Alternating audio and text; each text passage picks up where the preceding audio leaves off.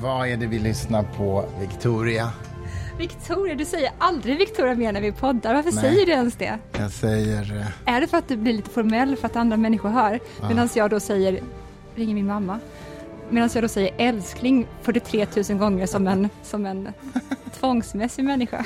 Vad är det vi lyssnar på? Nu lyssnar vi på Filmmusik, låt mig gissa. såklart. Och det är ehm, The Battle från Mm. Gladiator. Och ehm, det är Hans Zimmer såklart som har skrivit Din det här. favorit. Min favo. och ehm, om man lyssnar riktigt noga så hör man flera, flera eh, ah, undermelodier till temat kan man nästan säga, som kommer från The Rock. När um, Zimmer gjorde ju faktiskt ehm, karriär och bröt igenom med att skriva filmmusiken till Thelma och Louise. Mhm. Och detta var ju typ 91 eller något sånt. Mm. Men sen så... Eh, han, var ju från, han är från Tyskland och så var han ju synt... Vad heter det? Syntist? Synthesizer? Vad- När man spelar synt? vad heter det? Ja, Syntspelare? syntare. Syntare. ja. Och spelade synt och var med och skrev den här låten. Eh, jag säger alltid fel här. Kill the radio star. Jaha. Vad heter den? Video Kill the Radio Video Star. Kill the Radio. Star. Det är Simmer. Är det, det? det är en ung Simmer som är med Vad hette det bandet? De hette någonting. Vet inte det. Ja, men det här vet ju jag, fast jag har ju glömt det förstås. Men eh, gud, det där kommer jag ju ihåg. Det är ju från min tid när jag var också i band Ja. och höll på med den här musiken, början av 80-talet. Ja. Eller mitten av 80-talet kanske. Men eh, Video Kill the Radio Star, ja, jag Ja. vet precis. Var han medlem i det bandet? Ja, alltså? han spelade synt där och skrev den, var med och skrev den Nej, låten. Och eh, sen så då så åkte han till Hollywood, jag vet inte hur, men jag vet att vår vän Stefan Nilsson, Mm. han var i ropet samtidigt som Hans Zimmer var i ropet Mhm. att göra filmmusik till, ja, de letade efter ung, nya unga, James Newton Howard, eh, Danny Elfman, alla de var liksom unga samtidigt. Och Stefan sk- ja. Nilsson då som hade gjort filmmusik till Den goda viljan. Söndagsbarn, ehm, ja, mycket Bergman där. Och Bergman var ju fortfarande på slutet av 80-talet och början av 90-talet, är ju fortfarande såklart, nu är han ju död då, eh, en ingångsbiljett kan man säga till Hollywood. Så när Mm. Stefan då, Nilsson, skrev också för övrigt musiken till Skärgårdsdoktorn och Mm. eh, Pelle Erövraren. Gud vad den är bra, Pelle Erövraren. Och Så Eh, som i himmelen. Ja, just det. Gabriellas sång Ja, är ju han känd för, för att det blev ju en hi- hit. Liksom. Ja, och eh, då var det väl så att Stefan, om inte jag har förstått det här fel, skulle skriva filmmusiken till Andarnas hus. Det här eh, fenomenet får man säga. Allende, eller? Isabel Allende? Exakt, precis. Men då tog Simmer det jobbet från honom. Så det blev, och, och där sköt han ifrån ännu mer i sin, i sin eh, extremt dominanta karriär. Han dominerar ju verkligen. Zimmer. Ja, det gör han verkligen. Sen har lite andra finurliga kommit. Alexandre Desplat, som jag tycker om jättemycket. Eh, han är en fransos som eh, eh, spelar blåsinstrument eh, från början. Har gjort jättefin musik till Grand Budapest Hotel, till exempel. Skit i det nu. Tillbaka till Gladiator. hur, hur, har du sett Gladiator någon gång? Jag såg Gladiator när den kom. Och jag, när var det? Det vet du bättre än jag. Ja, gud. Um, Gladiator var ett sånt eh, fenomen som kom ett Oscarsår som inte påminner om någonting annat. Vi ska se vilket år Gladiator kom. Gladi... gladi ehm, och det jag vet är att eh, 2000 kom den. Och det 22. finns, efter att den kom, en term som kallas för på något vis Russell Crowe-termen. Och det är att ifall Russell Crowe är med i en film så fuckar den alltid upp vad man tror ska hända på Oscarsgalan. Han är liksom den här Jokern i leken, eller the trickster, som vänder upp och ner på alltihopa. Och detsamma gäller också för Mel Gibson. De två har de här av någon anledning. Han, det har kommit en ny trickster efter honom, Will Smith. Men okej. På Oscarsgalan. Men okej, fortsätt.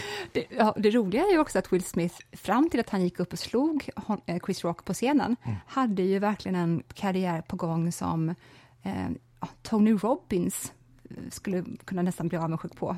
Eh, Som motivationsföreläsare, gjort väldigt mycket sådär hur du jobbar dig fram till eh, ditt största, bästa jag. hela den grejen hade han Wow. going on for himself. Och sen gick han upp och slog ner honom. Nej, men så Mel Gibson och Russell Crowe har de här egenskaperna då, att så fort de är med i en film, med i en film, eller var förr i alla fall, och den blir eh, nominerad till någonting, då blir ingenting som man tror på Oscarsgalan. Eh, De priserna som alla har satsat, de filmerna som alla har bettat på ska få pris, får inte pris. Allt blir kaos.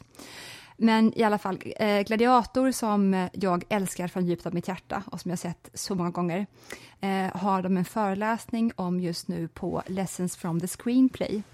Och detta är ju då en, ehm, det är dels en podd, men det är också en serie som finns på Youtube, där extremt begåvade och intelligenta människor plockar ner ett manus i grunden och pratar om eh, vad finns det för grundläggande teman, eh, karaktärsutvecklingar, eh, och de gör det på ganska kort tid och slagkraftigt sätt.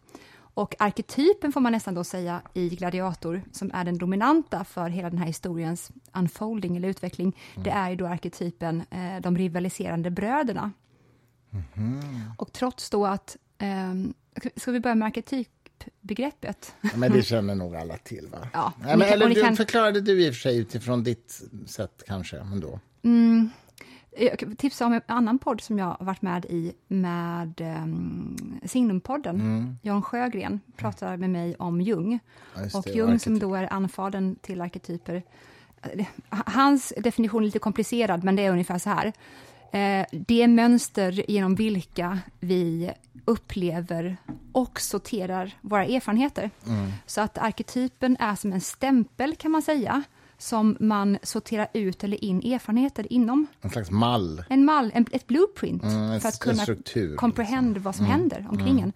Och, eh, men också ett tema som kommer om och om igen där med då. Vissa människor fastnar i vissa arketyper, till exempel jag har blivit orättvist behandlad. Offret är ju en arketyp.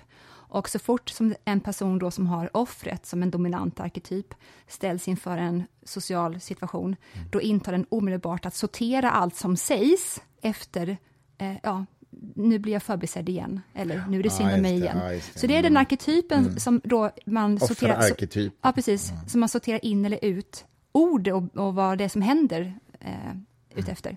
Lite som Jimmy Åkesson i utfrågningen på SVT i- igår. Ja. När, när, när programledarna frågar varför det är så många eh, liksom, nazister eller före detta nazister eller rasister och konstiga människor som dras till ett parti. Och så sa han, ja det är bara för att ni i media har utmålat oss som ett nazistiskt, fascistiskt, rasistiskt parti. Mm. Det är därför de tror att de hör hemma hos oss.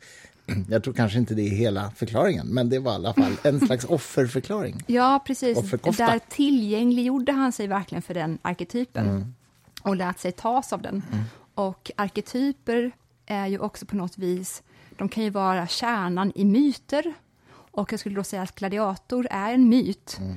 där kärnarketypen är de rivaliserande bröderna. För att utan den kärnan i berättelsen så skulle inte gladiatorfilmen eller historien finnas. Eh, eh, den här Russell Crowe då som spelar den här spanska eh, soldaten som blir eh, sedd och upplyft av den romerska kejsaren Marcus Aurelius är ju det då. Eh, han har ju Marcus Aurelius en son egentligen. Han spelas av Jacqueline Phoenix. Men eh, Jacqueline Phoenix, trots att han är biologisk son, så eh, blir han inte lika älskad av den här pappan. För att pappan har ju sett Maximus, den här spanska soldaten istället. Han känner igen sig mer i honom. De är mer likasinnade. Så att när han, eh, Marcus Aurelius då inser att hans tid inte är så, han kommer inte leva så länge till, då ber han ju Maximus att ta över rollen som kejsare efter honom. Och då säger Maximus det som alla, alla som förtjänar makten ska säga. Vad tror du han säger då? Um, jag räcker inte till för det. Ja, det är inte jag. Det är inte jag. Mm. Jag tycker det är så vackert. Alla de som vill ha makten ska inte ha makten. Det där är ju Socialdemokraternas signum. När, vill du bli partiledare? Nej, absolut inte. Ja. har ju alla partiledare sagt Precis. innan de blir På partiledare. ett poserande sätt. Ja, det ja, hade varit dessutom. extremt fint ifall de hade menat det och sen då ändå fick de manteln över axlarna. Ja, och så är det ju inte. Innan du fortsätter berätta om Gladiator så känner jag ändå att jag måste, att jag, kom, jag måste säga någonting mer om Jimmy Åkesson. Ja, kör! och det är nämligen tiden. så här, den här offerkoftan han tog på sig. Alltså, varför, det finns ju ett mycket, mycket bättre svar han skulle kunna ge om han hade varit lite strategisk. Nu tänker inte jag vara SDs mediestrateg, men han borde naturligtvis ha sagt så här. Eh, eh, vi är ju uppenbart det mest invandringskritiska partiet i riksdagen. Vi tycker att vi har en adekvat invandringskritik, skulle han säga förstås, men vi är det mest invandringskritiska i riksdagen. Det skulle även Jimmie Och, och har varit det länge. Ja, och det skulle han hålla med om. Det skulle han kunna säga själv.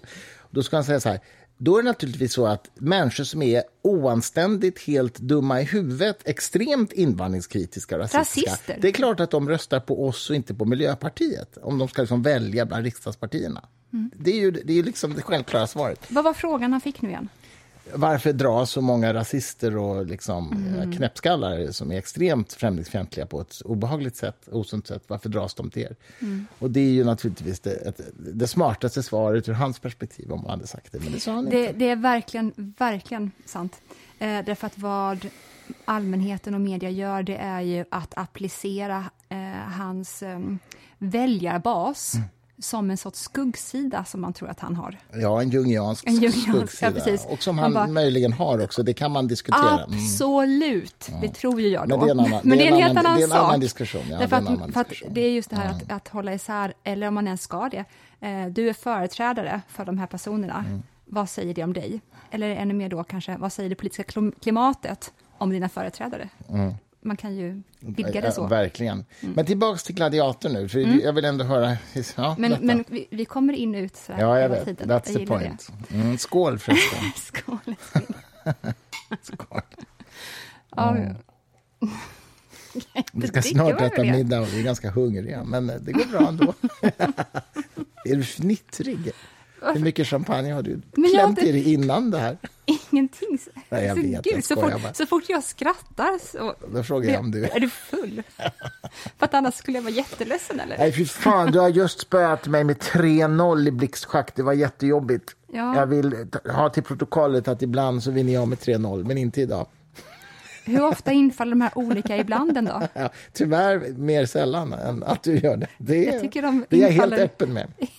Just nu leder du augustis eh, partier med 60-40 procent alltså vinster. Mm. Det är ju, eh, men det augusti är inte slut ännu. Här. Jag har fortfarande några dagar på mig att korrigera det. Jag måste, men jag glömmer bort det, eh, återvända till Gladiator. Ja, För go. det är ju väldigt svårt att... Eh, lo- ni har all, har, där ute har ju såklart alla sett den, men, men jag eh, uppfriskar Christers minne nu genom att berätta att eh, för att eh, den här då Jacqueline Phoenix eh, Mm. ska slippa ha Maximus som ny kejsare, Mm. då så dödar ju Jacqueline Phoenix sin pappa, Marcus Aurelius, och sen så, sälj, så tror han att han dödar eh, Russell Crowe och eh, därmed har eliminerat alla hot. Och nu ska då Jacqueline Phoenix bli den nya kejsaren. Men egentligen så är det så då att Russell Crowe tas som slav till eh, Spanien och säljs, blir eh, gladiator, är så pass bra tack vare sin forna militärträning så han blir då en sån som får komma till Colosseum i Rom. Eh, då vet man också då att ehm, eh, Maximus för, eh, familj hans fru och hans son har blivit mördade under tiden. Och vad som då driver honom, för att då kan det ofta vara så att okej, nu har den här huvudkaraktären förlorat precis allting och vi har inte kommit mer än 20 minuter in i filmen. Vad ska driva den personen då? För ofta är det så att man försöker återerövra eller vinna någonting som man, som man saknar och tror att kan, man kan få det igen. Det är ju verkligen ett bra grundmotiv för en karaktär att dra en handling på. Eh, Men då är det ju så att eh, kanske filmens största svaghet och styrka är ju då att man måste förstå det här hämndmotivet. Därför att eh, han drivs ju då av att få träffa den här kejsaren igen, som då är Jacqueline Phoenix, när han har blivit det. Eh, och hämnas sin fru och sin son. Och då måste vi bara i den sam- nu, nutiden acceptera att det var så man gjorde på den romerska tiden.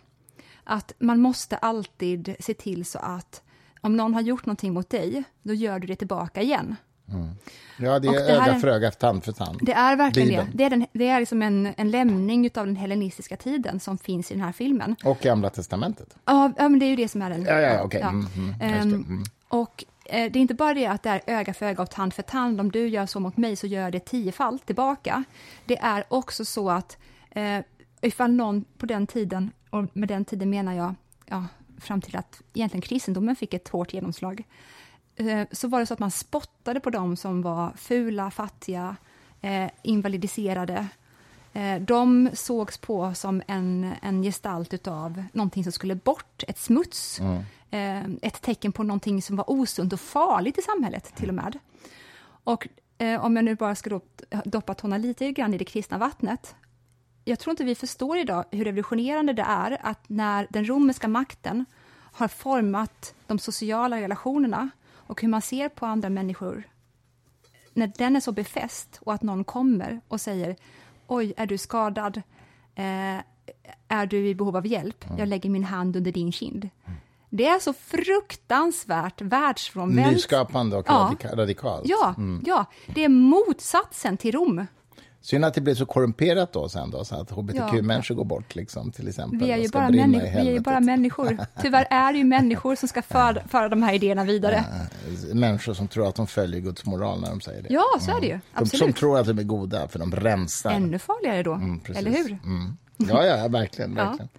Och eh, de här människorna använder ju i princip, skulle jag säga, vad som helst som funkar som en bra farkost kristendomen är en bra farkost, politik är en bra farkost mm. för dem, mm. att åka runt med i världen och på något vis då... Visst, ja, förlåt. Ja, nej, nej, nej, ja, men visst ska det bli en ny Gladiator 2? Det ska bli en, en, ny Gladiator 2. Ridley Scott igen. Ja, Ridley Scott ja. igen. Och eh, kuriosa är ju att Nick Cave från mm. Nick Cave and the Bad Seeds, han skrev alltså faktiskt ett uppföljande manus till Gladiator 1. Mm. och eh, den filmen heter tydligen, ni får googla på det här också, um, The, The Christ Killer. Aha, heter det här manuset. Intressant. Och det var därför jag också doppade tårna i, i kristendomen. Därför att enligt Nick Cave, det här manuset flöt alltså runt i Hollywood ganska länge och just för att det är Nick Cave så mm. tog man det ändå på ganska stort mm, allvar. Mm. Men när man då öppnade och började läsa så var det ju 100% vansinnigt. Och då är det tydligen så här att när Maximus dör i slutet av Gladiator 1, vilket han gör, i Nick Caves tvåa, då är det så att Maximus hamnar i helvetet. då får man se honom i helvetet, Russell Crowe runt då, eller vem som skulle spela honom där nere. Ja. Och där finns det också massa kristna, eller förkristna, mm. för att under ungefär 180 efter Kristus så är ju inte det liksom en statsreligion såklart. Nej. Så att de har ju då skickats ner till helvetet också. Och då märker Maximus där nere att gud vad de här kristna har mycket cred här. Jag har ju svårt att göra mig hörd här nere. Vad är detta? Vilken story! Du, det här är det sjukaste. Så att Maximus lyckas liksom jiddra med djävulen för att få komma tillbaka upp till jorden igen. Och där ska han då ta livet av Kristus så att han ska sluta på något vis skapa sådana människor som är, enligt Maximus då, eh, ja, idioter. Det låter, det låter ju rätt The, Cri The Christ Killer heter Nick den. Cave, är han lite tokig? Jag tror väl det. Det blev ju inte... Han är ju jättebra musiker, men jag tror att... Blev lite har man två barn som dör in, innan de är 17 så är det nog det är något som inte har lidat bra där. Jag läste någon annan grej som, nu kan jag faktiskt möjligen vara defekt mindre här, men Anna Kuriosa om att man hade i den här nya gladiatorfilmen tänkt sig att man skulle återskapa det som historieforskningen verkligen säger väldigt korrekt om den tiden. Och en mm. sån sak som de sen valde att inte ha med, därför att folk kommer inte tro på det, mm. det är att det gjordes reklam de gjorde reklam på den tiden. Alltså hade de en sån här jätteframgångsrik gladiator så, så kunde de sätta upp såna här skyltar där det stod liksom den oövervinnliga gladiatorn eh, eh, Hexodus eh, använde den här olivoljan. Liksom. Vadå? Jag fattar inte. Vad, vad sa på, du? Vad menar du? Att man på den tiden ja faktiskt gjorde reklam på det sättet som vi gör idag, modernt. En, ja, ja. en häftig person, en influencer, ja. en gladiator som är känd. Han använder den här olivoljan från den här gården. när, han, när han träffar sina yngre pojkvänner. Nej, nu får du skärpa dig. Nu tänkte jag inte på det. Men jag tänkte på att de gjorde reklam i alla fall. Och det, tydligen så var det med i det här manuset, men sen sa man det kommer ingen tro på. Folk kommer ju tro att man driver om den tiden, så de tog inte med det. Men Gud, tydligen är det historiskt korrekt, läste jag någonstans. Ja, ja, ja I believe you. Ja, men hörru du, eh, vi har ju haft en intensiv vecka, både du och jag. Nu har ju liksom allt börjat. Vi hade ju, måste ändå säga, vi hade ju en fantastiskt häftig tankesmedja-middag förra helgen. Mm.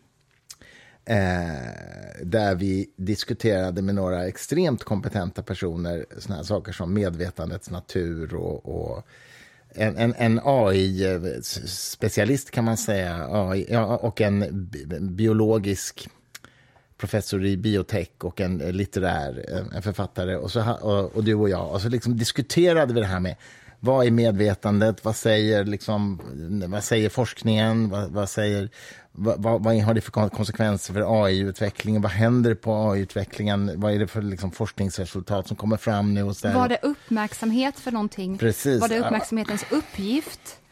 Vad eh, de svaren som uppmärksamheten tar tillbaka in igen, så att säga, i receptiviteten. Eh, var utspelar det sig för någonstans? Allt ifrån då hjärnan till det psykologiska. Mm. Alltså det, var ju, det var ju ett väldigt kul koncept. Att vi, det, det, var ju som en, vi hade, det var en middag hemma hos oss, men vi bestämde liksom ett tema och vi hade en talarordning. Så att vi, i, vi pratade inte i mun på varandra, utan en talade i, i taget. Så, där. och så hade vi liksom ett strukturerat samtal. Det var väldigt roligt, var eller hur? Det var det roligaste. Så ska vi göra igen. Så ska vi göra. Då och då. Oändligheten ska vi ha nästa gång. Precis, oändligheten. Hur? Precis, det ska vi prata om. Oändlighetens natur, det har vi pratat en del om i podden här också, om eh, kantor och olika typer av oändlighet. Jag tror vi har pratat om det i podden. Men, eh, ja, det har vi. Det ska vi inte göra nu. Men, men vi ska utforska det ur lite olika perspektiv, för oändligheten spelar ju roll i, i liksom alla möjliga sammanhang, eh, psykologiskt och moraliskt och datavetenskapligt. Och, ja, det finns mm. ju massa aspekter på det. Emotionellt också kanske? Ja, verkligen. Gud verkligen. vad man bara kan falla. Man kan känna känslan av att falla när man tänker sig in i ja, men det som Gödel påvisade, som jag pratat om tidigare mm. också. Ja, visst. Och igår visade jag ju dig eh, det som jag tycker är så otroligt vackert. Tips till lyssnarna. Just nu så står ju eh, Jupiter lågt över horisonten. Eh, vilken tid var det ungefär? 8-9 igår kväll, mm. när det hade blivit mörkt. Och så kan man med en vanlig kikare så kan man se Jupiters röda ränder på Jupiter och, och tre av Jupiters månar såg vi. Jupiter har ju över 60 månader, men de flesta ser vi inte. Men de tre av de största ser vi faktiskt. Mm. Det, det, är väldigt häftigt. Jag tycker det är så häftigt när man tittar i en vanlig kikare och ser att det där är inte en stjärna, utan det är en planet. Alltså den har den har en storlek. Liksom. Det är mm. ett klot. Mm. En stjärna är ju bara en punkt för oss, för de är så långt bort så de kan aldrig vara något annat än en punkt mm. Eh, som lyser. Men när vi tittar på Jupiter så är det ju faktiskt ett klot, som en liten måne. så att säga. Mm. Det, det, är jävligt häftigt, tycker jag. Det är det verkligen. Det, det är svin, då får man existentiell svindel. Och vet du vad jag fick lära mig idag? Jag träffade en doktor i fysik på lunch. Eh, så himla häftigt att svarta hål Eh, som ju man tänker sig är så himla abstrakt grej som ju inte berör oss, tänker man, i vardagen överhuvudtaget. Det visar sig att moderna navigationssystem, eh, om jag fattar det här rätt då, så att om man liksom ställer in sin positionsbestämning på jorden kan man göra utifrån stjärnornas position. Men nu, nu är man så exakt i sin positionsbestämning så att stjärnornas rörelse relativt så att säga jorden är ju så små så att de är knappt mätbara, men det gör att det inte blir riktigt exakt. Men där, då kan man istället ha svarta hål som referenspunkt, för de är mycket längre bort. Jag vet inte exakt varför faktiskt, men så, så vi använder tydligen svarta hål i vår positions, eh, GPS-positionsbestämning på något sätt. Jag förstår. Ja, det där var flummigt. Nej, det gör jag inte, men, men oj. men det är bara, bara, det, bara liksom häftigt att svarta hål faktiskt har relevans. Det är så kul med svarta hål. Idén om svarta hål... Alltså relevans relevans, alltså de har, de har ju relevans. En funktion. I, en funktion är det ju. För att relevans har de ju för oss existentiellt såklart. Jo, det kan man alltså, säga, men de har en funktion då. Jag, jag tycker inte om att man alltid måste sammankoppla funktioner och relevans. Nej, okej, okay, okej. Okay. Nej, men... Okej, okay, men de har, de har en tillämpning om man säger så? Då, Ett tillämpningsområde vår... finns det, precis. Ja. Och idén om svarta hål rent teoretiskt går ju faktiskt ända tillbaka till, så vitt jag förstått, 1700-talet. Så talade mm. man om liksom tanken på en kropp som är så stor och så, har så stark gravitation så inte, ljus, inte ens ljuset... Liksom. Men det var extremt spekulativt. Det var ju först på 1900-talet som man överhuvudtaget kunde hitta en teoretisk modell och sen senare... Det är klart det var extremt spekulativt. Ja, men jag menar så man kunde hitta en teoretisk modell som fick det här att liksom bli rimligt. Och sen så är det ju ännu senare som man kunde påvisa det rent faktiskt. Tack och lov för all e- extrem spekulation. Ja, den är ju helt central. Den är ju helt nödvändig. Mm, All tankeutveckling inom vetenskaperna är ju först hypotes, det vill säga spekulation, och sen testning. Ja, ja, precis. Och sen så finns det ju fler led dessförinnan och dessför också. Ja. Jag lyssnade faktiskt idag på um, Myter och mysterier Mm. med eh, Erik Skylt och Per Johansson. Och där- Erik som gifter sig imorgon. Ja, vi ska på bröllop Vi imorgon på bröllop med. Greta. Ja. Vi är jättepeppade. Mm, det ska bli jättefint och roligt. Det ska bli faktiskt. jätteroligt att se vigseln. Jag har aldrig sett en vigsel mellan en... Ja, men hur det blir när inte båda är... Katoliker? Ja. Mm, Ehm, det får vi se. det får vi se. De kanske sätter upp ett så här skynke mellan dem. Så här. En står bakom en skärm. Garanterat gör de så. Hedningen. Säkert, Mm. absolut. Släpper de in mig där då, tror du, överhuvudtaget i kyrkan? Jag tror att Som de hedning. kanske du vet, så här, skvätter vigvatten. På mig över- först. ö- nej, inte på dig. Du är Och ser om, och ser om eh, huden börjar bubbla så här. Börjar ryka i ryka Ena ögat bara liksom vrids lite inåt så och nacken bara så här. Nej, kommer du ihåg, vet du vad den äckligaste scenen i... ehm, Exorcisten? Ja, vet Nej. du vad den äckligaste är? När hon vrider huvudet runt? Nej, det är inte det. När hon går ner i, i bryggan för trappan? Ja! Ja, jag vet. Det är äckligt. Hur kommer man på en sån sak? Det är så Ah, äckligt. shit. Ja, jag förstod nästan det. Och hon som en efter. spindel. Brrr. Det går så fort också. Ja. Det är då de börjar märka, det är då föräldrarna börjar märka, de här extremt uppmärksamma föräldrarna, att det är något, något något stämmer. Samtidigt God. så är Max von Sydow lallar runt i typ mm, Marocko och Al- Algeriet, hittar någon sån här konstig skulptur där, och så är, som är en demon då, och som han tar med sig till USA. Jag fattar aldrig riktigt kopplingen, jag har inte vågat se om den sedan jag var 11. Ja, är, ja, fy fan. Men eh, man förstår att det är något skit med den där grejen han hittar. den borde han inte ha hittat. Vi borde se om Rosemary's Baby också. Ja, det vill jag verkligen. Jag För den tror jag inte är otäck riktigt på det sättet. Va? Nej, det den är typ inte någon det. Den är inte det. Jag älskar ju Polanski. Jag tycker att Polanski är ja, men, eh, topp 10 största filmskapare som någonsin har levt. Han lever ju fortfarande. Gör han ju. Ja, Ehm, men den ser vi om, han gjorde ju en fantastisk film om Dreyfusaffären Ja, den har vi ju sett. som vi såg på bio. Den var jättebra. Den var skitbra. Och där är också Alexandre Desplat som har skrivit filmmusiken. Mhm. Rekommenderar den också. Jättebra filmmusik. Verkligen. Du, vi, vi går ju mot en intensiv vecka. Ja, du ska ju jobba med ditt manus och jag ska ha en boklansering med Adam Gopnik, New Ja, York. precis. Det här släpps ju på författaren. söndag och då på måndag så är efter. det... Mm. Vill du göra lite reklam? Nej, men det är på Scalateatern. Det är, man kan titta på fritanke.se och se om det är något man vill gå på. Han är en väldigt spännande, djupt intellektuell författare som skriver om... I om The New Yorker skriver Ja, han visst, hela och- tiden. Och skriver om, om liksom, ja, vad ska man säga, liberalismen och dess roll och eh, i, i, i, den moderna världen och allt som händer idag. Och dess, dess utsatthet det, mm. eh, och att vi fortfarande än idag försöker förstå vad egentligen liberalismen var Ja, för någonting. ja, Och ja. att vi kanske till och med kan förstå det bäst eh, genom att se hur den faller sönder. Mm. Att sönderfallet i sig självt kan informera oss om vad det var vi hade. Men han gör ju en väldigt eh, nästan filosofisk analys också av vad han menar med det begreppet. Alltså han är en Ja. väldigt spännande tänkare måste man säga. Det är jättekul. Bred också. När jag gjorde research för min andra bok nu, då hittade jag honom av en slump. Ju. Då har han. För att mina böcker sp- utspelar sig ju till viss del i Venedig under 30-talet. Och då så hade han skrivit ett långt reportage för The New Yorker om Hotel Gritti, som är Mm. ett av de här äh, episka palatsen där allt har hänt. Mm.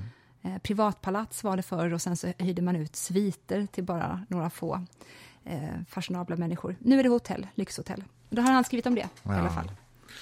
Precis. Nej, men, och sen har vi också en boklansering nästa vecka utav um, Ola Sigvardssons media, eh, pressombudsmannens eh, bok om, om spännande case han har hanterat under sina tio år som pressombudsman. Allt ifrån Persbrandt till kungahuset till ja, allt vad det nu är. Eh, olika, Anna Lind och hur man, vilka typ av bilder man visade när hon blev knivhuggen. Alltså det är ju otroligt intressant att se hur mediaetiken liksom har utvecklats och hur man hanterat, fällt eller friat tidningar för, för olika saker. Vad, Ja, det- heter, vad heter hans bok? Äventyr i etikbranschen heter den. Eh, och den kan man också köpa på Fri Tankes hemsida. Ja, och alla det andra, kan- överallt såklart. Överallt. Snart är det bokmässa förresten. Ja. Oj, oj, oj. Vi ska åka ner där och härja. Jag ska vara, moderera en jävla massa seminarier och du ska prata om din bok Jag ska prata... på spänningsscenen eller deckarscenen ja, eller det har vad det det heter. har vi också berättat om. Men vi kommer lägga ut allt här, eller jag kommer lägga ut allt det här. Mm, Det kan jag så tro. småningom. På Instagram. Oj, vad bra att du visste det. Nej, men alltså, det ska bli kul ändå. Jag, jag tycker det är skitjobbigt med bokmässan, men det är ju också jättekul. Och det här är ju första gången egentligen som det är en riktig bokmässa. Och det är första gången som vi gör det här ihop. pandemin. Ja, det är det ju Hur definitivt. tur har vi att vi är i samma bransch? Det Mm. är inte klokt. Det är kul faktiskt. Och samma och ändå lite annorlunda, för du är skönlitteratur och jag facklitteratur. Det är också bra tror jag, men eh, det är jättekul. Jag vet inte om det, varför är det annorlunda? Jo, men det tror jag. Det är annorlunda villkor och premisser tror jag. Men jag menar, framförallt tror jag det är bra att vi inte är i exakt samma bransch. Det är bra att hålla isär privatliv från Jag jobbet tror, nej, lite jag, grann. jag, det tror jag inte. Jag Det tror så här, jag. jag, jag tror det är bra att vi inte är på samma förlag. Ja, ja, men, det men hade inte okej. varit något problem om jag hade skrivit facklitteratur för Norstedts. Nej, förvisso. Men då skulle det ju kunna komma ut på Fri Tanke. Nej, Men det, hade ju inte, det tror jag inte hade varit Nej, bra. det hade är inte därför varit jag bra. sa Nej. så. Mm, men nu är det liksom inte ens en option, Nej. så att behöver man inte ens fundera på. Nej, Det. nej. Men, nej, men absolut, det, det är kul. Vi, kan, vi, vi, vi är ju i, i, i, lång, i stor utsträckning i samma bransch, det har du verkligen rätt i. I jämförelse med andra par i alla fall. Så Ja, det, ja, ja, gud, ja. Nej, men det ska bli jättekul. Det är ju 50 mingel och grejer och fester och middagar och skit som man ska gå på där. Man kommer vara rätt trött, tror jag, när vi kommer hem på söndag. Då ska vi bara lägga oss i soffan Eh, och se ja. någon bra film liksom, Verkligen. efter bokmässan. Det här är ju... ehm, jag har ju varit på Bokmässan i alla år fram tills att jag blev publicerad. Alltså under hela... Från 23 fram till 35 har jag Mm. Så varit, har du ränt där. så har jag sprungit runt där. Mm. Bara för att tanka någonting, oklart vad. Mm. Ehm, vissheten om en framtid, kanske. och Mm. nu så är det första gången som jag är där och, Och jobbar igenom väggen. Mm. Det är väldigt kul. Det är väldigt kul. Det ska vi fira. Och sen när vi kommer hem från bokmässan, direkt på tisdagen efter bokmässan, så är det riks, riksdagens öppnande. Vi ska gå på den sekulära högtidssammankomsten. Och det kommer vara en väldigt spännande talare där, men det får inte jag berätta för någon ännu vem det är. Men det vet jag. Det vet inte jag. Nej, det vet inte du Men heller. du kommer säga det till mig. Nej. Nej, då säger inte jag någonting till dig som jag vet som är jättespännande. Det, är, Det här är kommer sjuk- vi inte prata om här i podden överhuvudtaget. Det, är det, sjuk. det jobbiga är ju att du vet om att i, i vår relation så, så kan jag ju aldrig hålla någonting hemligt någonsin. Jag vill säga allt hela tiden. Mm. Så att om jag hade haft någonting som var jättespännande, då hade jag ju sagt det för otaliga timmar sen. Så att du kanske, hjälpte dig att syna mig själv där. Ska vi gå upp och ge dig lite mat, Nu Sten-Mark? tycker jag att det är dags för lite mat Ja, faktiskt. ja. Det, det, jag är jättehungrig faktiskt. Man får vara det. Hörni, tack för Ehm, denna gång. Vi, vi, Detta om detta. Vi Avrundar. ses om en vecka. det gör vi. Ha det gott. Hej. Hej.